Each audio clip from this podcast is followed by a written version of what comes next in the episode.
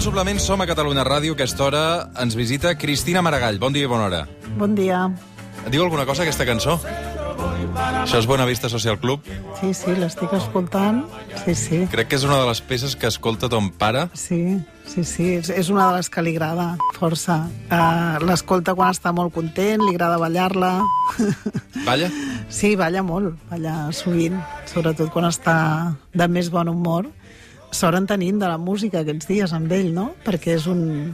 Realment és una vàlvula d'escapament per ell, és una connexió amb els sentits i l'ajuda a passar bons, mals moments, tots els moments, no? Escolta música sovint, no? Per tant, entenc. Molt, molt sovint. Crec fins i tot que es posa els auriculars per anar a dormir.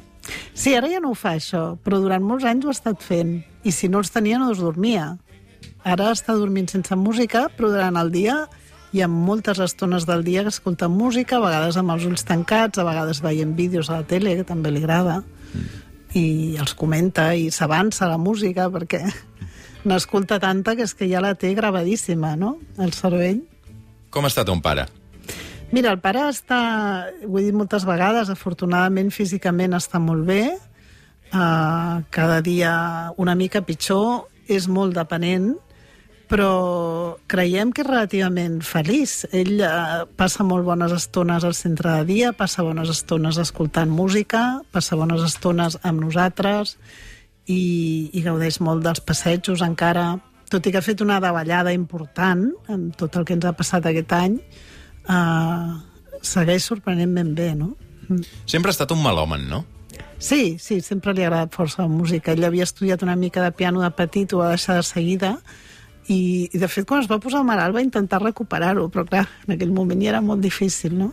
Però li agrada molt la música. Farem una cosa, com que tenim una bona estona per poder conversar amb tu, um, aniré a posar cançons que sé que ell li agraden i que escolta últimament, perquè um, ho sabem, ens han passat una playlist i posarem cançons com, per exemple, variades, eh, de tot. Per exemple, podem posar una cosa clàssica.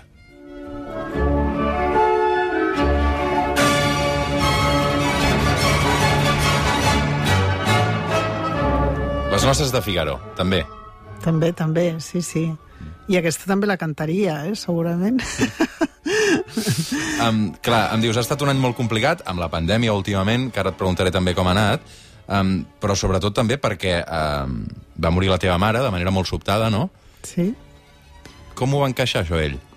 Mira, la veritat és que va ser, va ser dur, va ser molt dur, li vam haver d'explicar, ell va veure la mare i es va poder acomiadar d'ella, uh, però ho va, ho va entendre, ho va entendre perfectament, va estar molt trist durant uns quants mesos i la recordava cada dia, i, i ara jo crec que té una sensació com de pèrdua que no sap identificar, no? Però la sort és que no pregunta per ella, perquè entenem que ha fet un procés de dol eh, bastant eh, típic i, i que ha entès la mort de la mare. I això, per una banda, li comporta una pena, però també eh, bueno, ho ha pogut posar al seu lloc, d'alguna manera. Clar, um, és a dir, fa 13 anys ja que al Pasqual Maragall li van diagnosticar la, la malaltia o que ho va fer públic. Sí. Són molts, molts, molts anys. Um, I pel que m'expliques, uh, a tu encara et reconeix, no? Sí, sí, són moltíssims, realment. Uh, és singular no? uh, que el pare estigui també amb els anys que porta diagnosticat. D'una banda, ell va tenir un diagnòstic molt precoç, que això és una sort no? que va tenir, però és veritat que està preservant molt bé no? la, la, la seva salut cerebral, diguéssim, no? encara. Uh, a mi em reconeix, si no em diu pel nom, però, però sempre està content de veure'm, igual que els meus germans, quan qualsevol de nosaltres arriba a casa seva, el veiem cada dia, doncs es posa molt content i, i bueno, mm, jo crec que agraeix moltíssim la companyia, no? Uh -huh.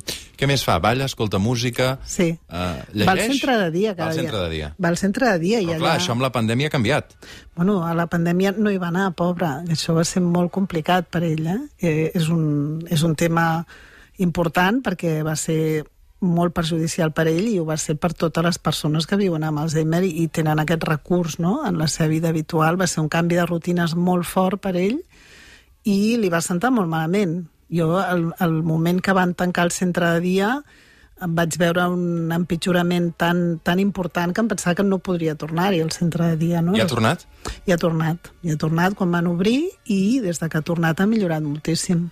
Crec que fins i tot tu et vas confinar uns quants dies amb ell, no? Sí, sí, va ser així, perquè tot just no feia gaire que havia mort la mare, per tant, ja d'alguna manera algun dels germans ens quedàvem a, a dormir amb ell i en el moment doncs, que es va declarar el confinament jo estava allà i em vaig haver de quedar amb el meu fill allà i vam estar força dies amb ell. Com és confinar-se amb algú um, que té Alzheimer? Complicat, és complicat. És i ho ha estat per moltíssimes famílies que o bé han perdut eh, els cuidadors professionals que els atenien a casa o bé han perdut el recurs del, del, del centre de dia. Um, els malalts d'Alzheimer el pitjor que els hi pot passar és que els hi alteris les seves rutines i això és el que hem fet d'una manera absolutament dràstica, no? Eh, Tallar-los les seves rutines, la seva relació amb el dia a dia. En el cas del meu pare, doncs, els passejos també són molt importants, no podia sortir. I això ha fet que tant el meu pare com la majoria de persones que, que s'han hagut de confinar a casa ho han passat molt malament. Ha augmentat moltíssim el, el, les alteracions de conducta, l'estrès, l'angoixa d'aquestes persones, la desorientació. El meu pare no sabia distingir entre el dia i la nit, no? perquè per ell al matí era sortir per anar al centre de dia, no? Llavors, si no sortia, és que no, és que no era de dia.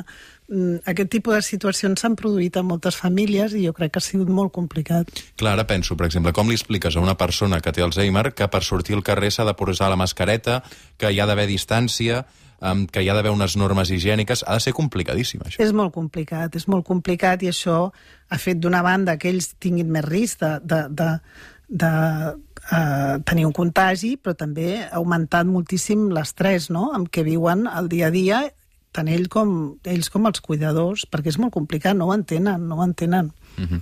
uh, evidentment, uh, i avui en parlàvem a la portada, perquè avui, després de sis mesos a Catalunya, um, a Sí. les residències de, de gent gran, per primera vegada uh, Sí, sí. s'ha flexibilitzat una mica i hi haurà persones que aquest serà el primer diumenge que podran sortir al carrer després de molts, molts mesos.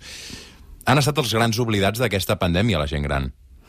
Sí, sí, amb diferència, i jo crec que és un tema que haurem de treballar moltíssim a partir d'ara, no? Ha sigut eh, per tota la gent gran, ha sigut eh, molt difícil, perquè, de fet, el que hem fet és, eh, d'alguna manera, eh, segregar-los per la seva condició, per la seva edat, diguéssim, no? Eh, en les residències el que ha passat ha sigut eh, molt greu i, evidentment, tots tenim clar que a partir d'ara caldrà treballar per un nou model eh, tant residencial com d'assistència domiciliària. No? Això ens ha fet veure que el model amb el que estem segurament té, té molts defectes i, i haurem de treballar molt. Ara tot el dia parlem de coronavirus, però clar, totes les malalties, la resta continuen estant allà, no? Ens hem centrat tant. molt en una, però la recerca per avançar amb tota la resta també és més necessari que mai, no? Sí, sí, la, la recerca... Mira, el coronavirus és, és uh, un tema urgentíssim, greu, i s'han de destinar tots els recursos que calgui ara per aturar-ho. Però això és, és una cosa, és, un, és una epidèmia passatgera, sabem que tindrà una fi.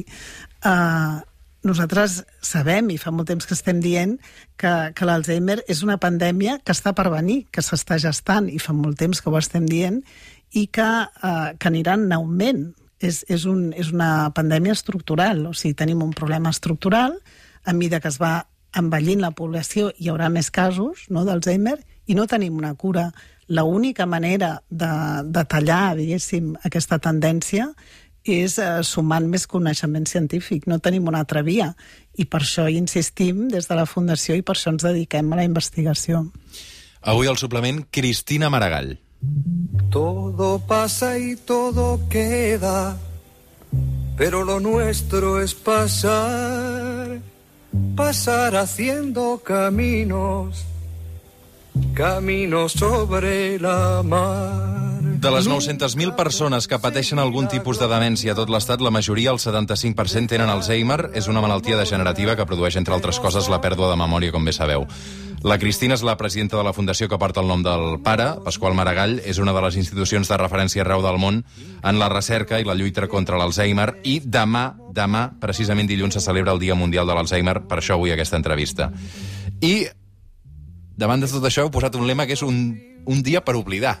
Sí, bueno, és, és, eh, de fet, eh, hem constatat que l'oblit és la primera paraula que li ve a la majoria de persones al cap quan parlem de l'Alzheimer.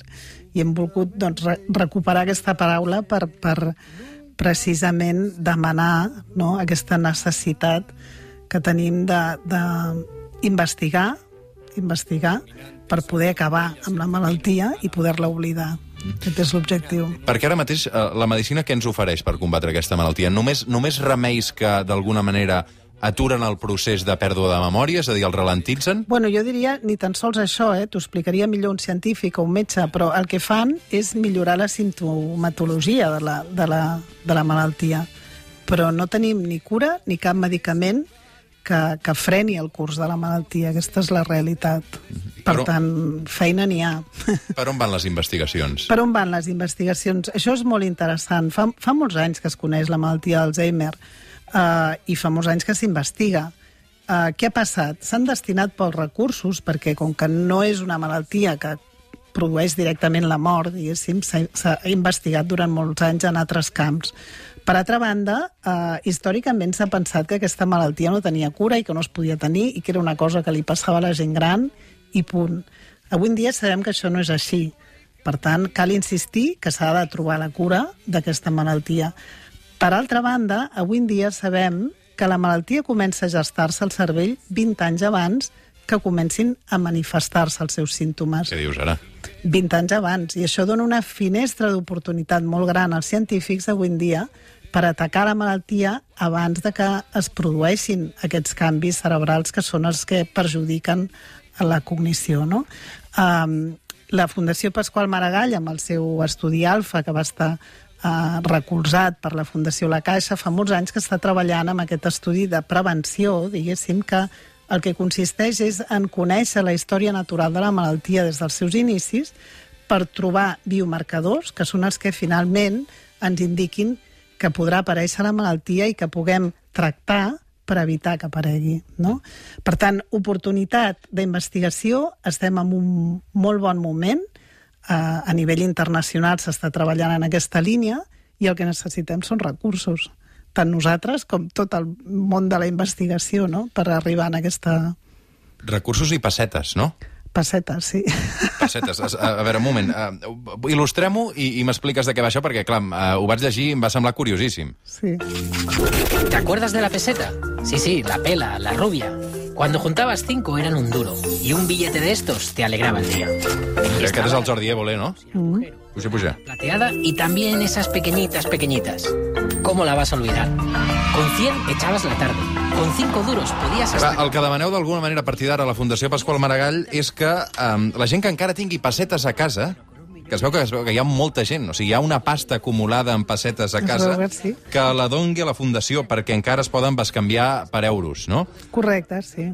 Abans de final d'any es podran acabar de bescanviar aquestes pessetes que encara la gent té guardades als calaixos a casa seva i, per tant, el que demanem fins a final d'any és que aquestes pessetes que pugueu trobar per casa les porteu amb unes bústies que tenim o bé a la Fundació o bé a totes les botigues de Yoigo i Mass Life, mm. allà les recolliran i les canviaran per euros que nosaltres destinarem a la investigació per l'Alzheimer.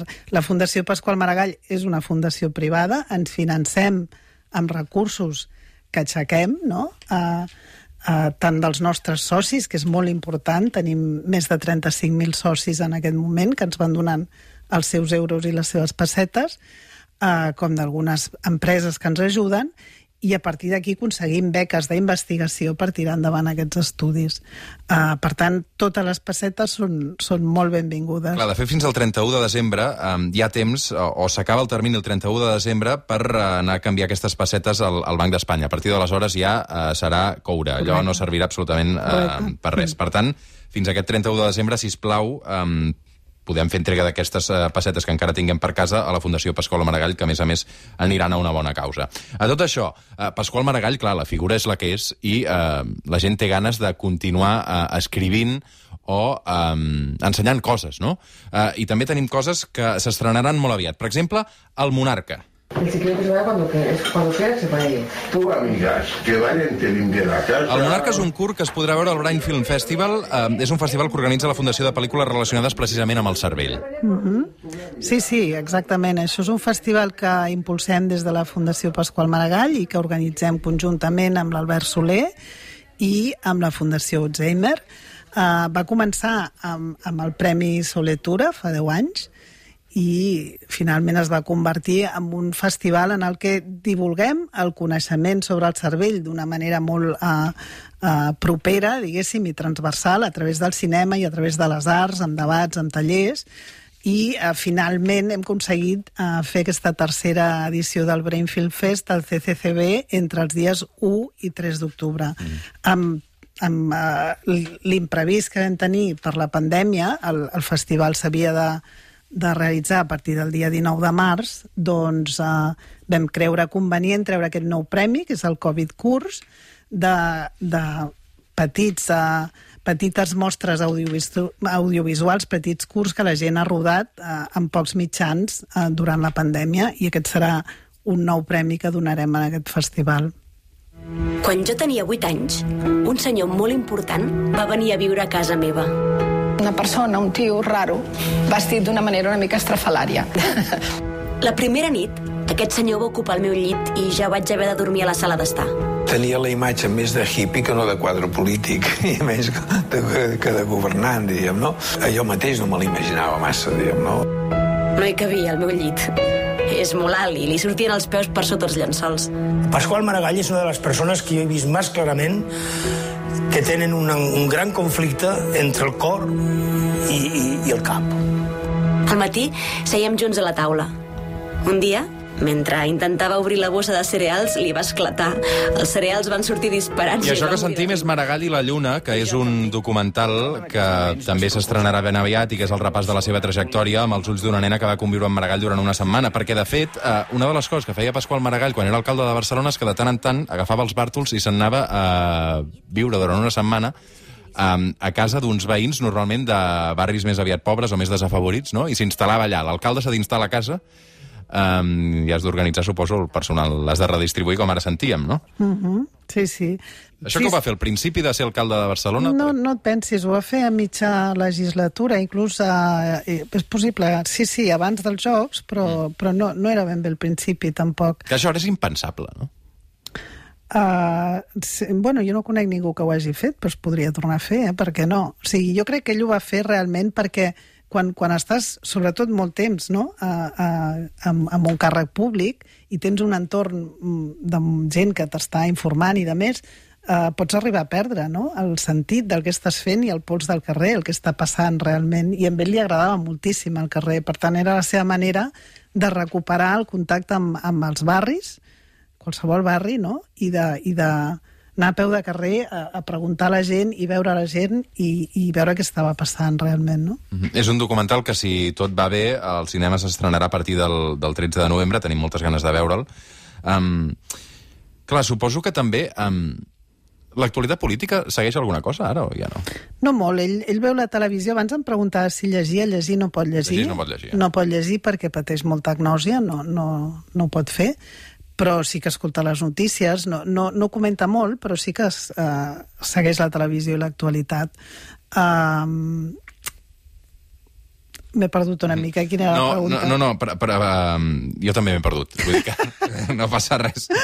No, sí, sí, sí, seguia l'actualitat, que entenc que pel que m'expliques és complicat, també, a hores d'ara. Sí, sí, sí, ara no, no la segueix molt. Mm -hmm. No la segueix molt. Uh, en Està molt cas... emprenyat que tota l'estona es parli del coronavirus. Als Està emprenyat. Sí, diu, només parlant d'això i per què no ho arreglen? I, no? Està una mica emprenyat amb el coronavirus. Com si fos fàcil arreglar-ho. Bueno, eh? clar, no, però ell, ell només sent parlar d'això des de fa mesos i està una mica... I la relació amb els seus rivals polítics Mm. um, s'ha llimat aquests últims anys? No et sabria contestar, perquè, bueno, amb els que he tingut relació, doncs, eh, la segueix tenint, i amb els que no, no, vull dir que... Mm, tampoc veu a tanta gent ara, no? Mm. Com t'agradaria que fos recordat el teu pare? Bueno, jo crec que com una bona persona, això m'agradaria molt, no?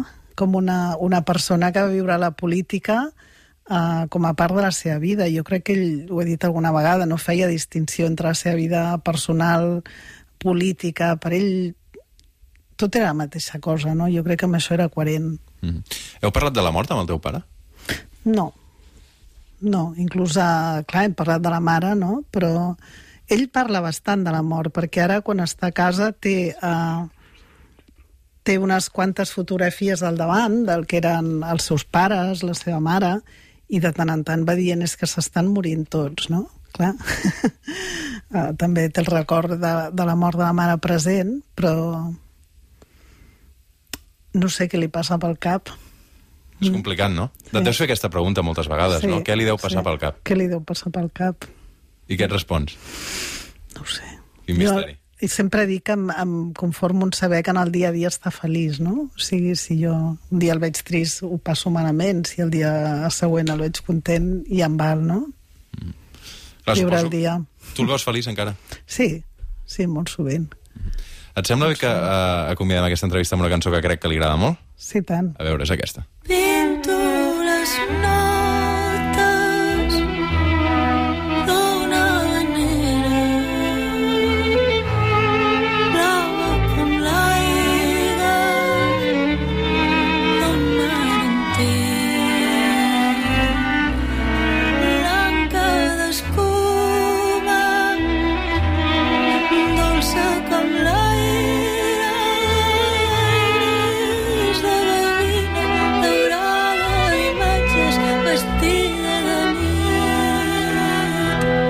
vestida de nit de la Sílvia Pérez Cruz, eh, amb la veu de la Sílvia Pérez Cruz, que crec que és una cantant que li encanta, no?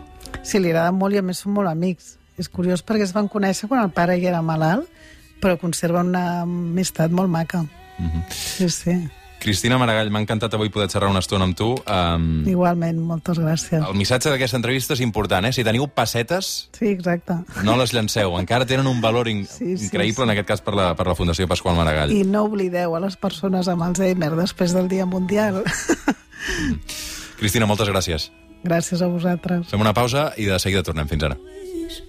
un bressol